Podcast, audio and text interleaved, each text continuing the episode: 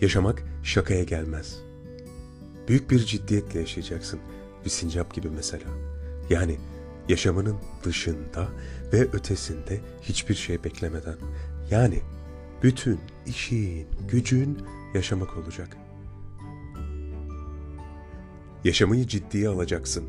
Yani o derecede öylesine ki mesela kolların bağlı arkadan, sırtın duvarda yahut kocaman gözlüklerin beyaz gömleğinle bir laboratuvarda insanlar için ölebileceksin. Hem de yüzünü bile görmediğin insanlar için hem de hiç kimse seni buna zorlamamışken hem de en güzel, en gerçek şeyin yaşamak olduğunu bildiğin halde.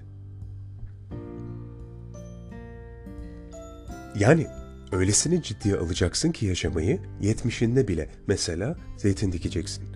Hem de öyle çocuklara kalır filan diye değil. Ölmekten korktuğun halde ölüme inanmadığın için yaşamak yani ağır bastığından.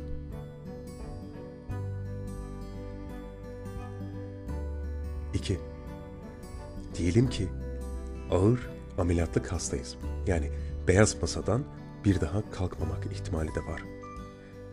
Duymamak mümkün değilse de biraz erken gitmenin kederini biz yine de güleceğiz anlatılan Bektaşi fıkrasına.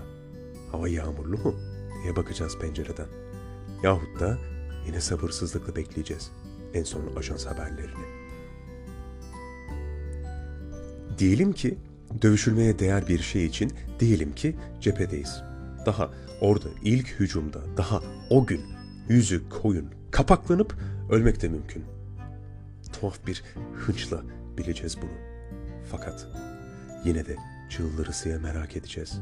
Belki yıllarca sürecek olan savaşın sonunu. Diyelim ki hapisteyiz. Yaşımız da 50'ye yakın. Daha da 18 sene olsun açılmasına demir kapının. Yine de dışarıyla beraber yaşayacağız. İnsanları, hayvanları, kavgası ve rüzgarlarıyla. Yani duvarın arkasındaki dışarıyla. Yani nasıl ve nerede olursak olalım hiç ölünmeyecekmiş gibi yaşanacak. 3. Bu dünya soğuyacak. Yıldızların arasında bir yıldız. Hem de en ufacıklarından. Mavi kadifede bir yaldız zerresi yani. Yani bu koskocaman dünyamız. Bu dünya soğuyacak günün birinde. Hatta bir buz yığını yahut ölü bir bulut gibi de değil, boş bir ceviz gibi yuvarlanacak zifir karanlıkta, uçsuz bucaksız. Şimdiden çekilecek acısı burun, duyulacak mahzunluğu şimdiden. Böylesine sevilecek bu dünya.